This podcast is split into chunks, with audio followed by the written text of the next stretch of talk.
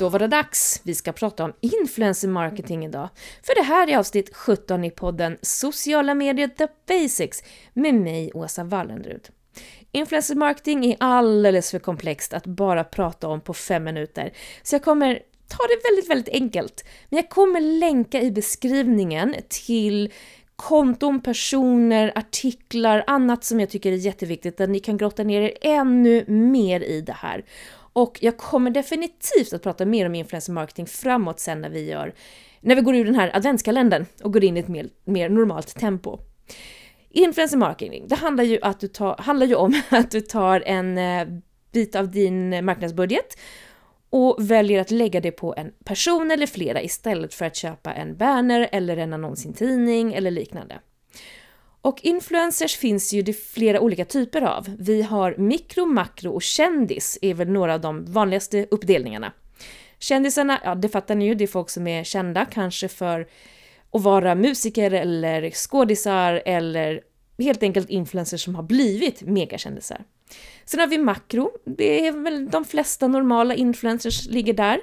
Sen har vi det som kallas för mikro och det är den största mest växande delen av influencers och det är de som har ett ganska litet antal följare.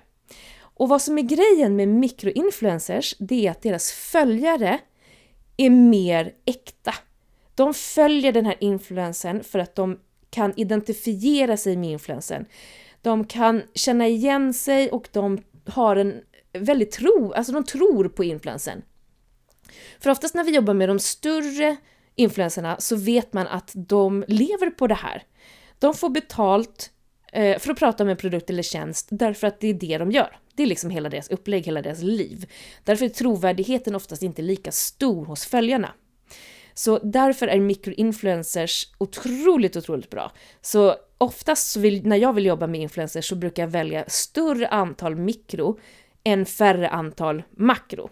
Och nästan aldrig kändis om det inte är om det inte finns en väldigt speciell anledning till det.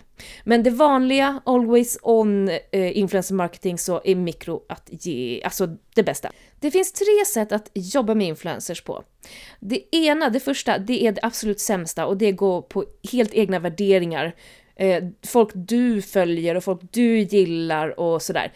Det är inte alltid den bästa för du har inte rätt fakta bakom annat än dina känslor.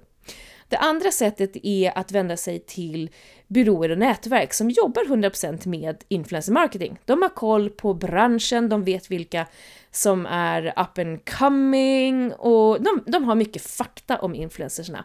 De gör också jobbet med att eh, finslipa på din brief, de gör avtalen, de ser till att allting sker i korrekt tid och enligt avtal och så vidare.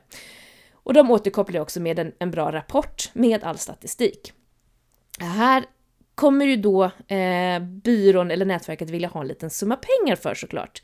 Så antingen behöver du öka din budget eller så behöver du ta en del av din budget för att betala dem med, vilket gör att du kanske får färre antal influencers eller ett ja, mindre typ av eh, influencers, mer mikro än makro kanske.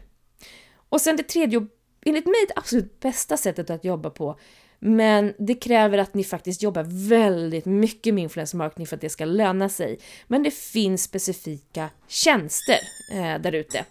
Så om man betalar för dem så kan man sen gå in i de här, den här tjänsten och så kan man söka på en massa olika parametrar för att sen få listor på influencers som då matchar dina kriterier. Det som de här tjänsterna gör absolut bäst och som du aldrig kan klara av på egen hand, det är att ta reda på hur många av deras följare som är äkta. För tro det eller ej, men det existerar fortfarande massor med bottar och köpta följare som tillför absolut ingenting.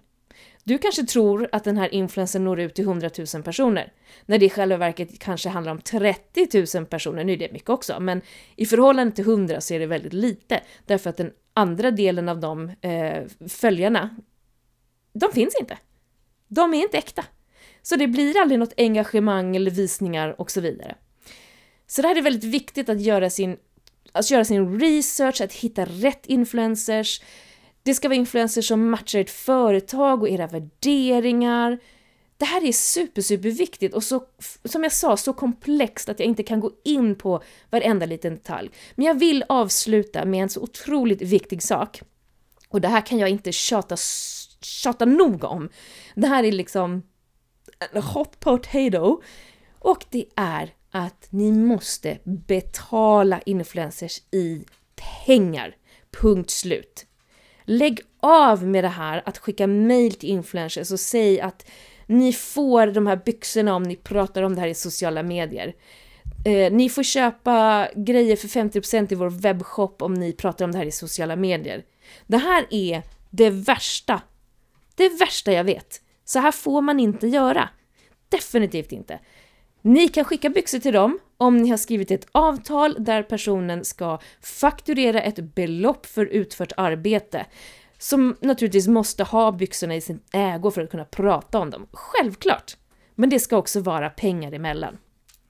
Och en annan viktig sak innan jag slutar här nu. Var säker på att det är klart och tydligt hur influencern ska annonsmärka de inlägg som görs. Det finns mycket information kring det här, bland annat på länkarna som jag har lagt här nere i beskrivningen. Jag hoppas ändå att ni känner er taggade och vill använda influencer marketing, för det är jättejättekul. Så ja, jag lämnar er med det, så hörs vi imorgon igen.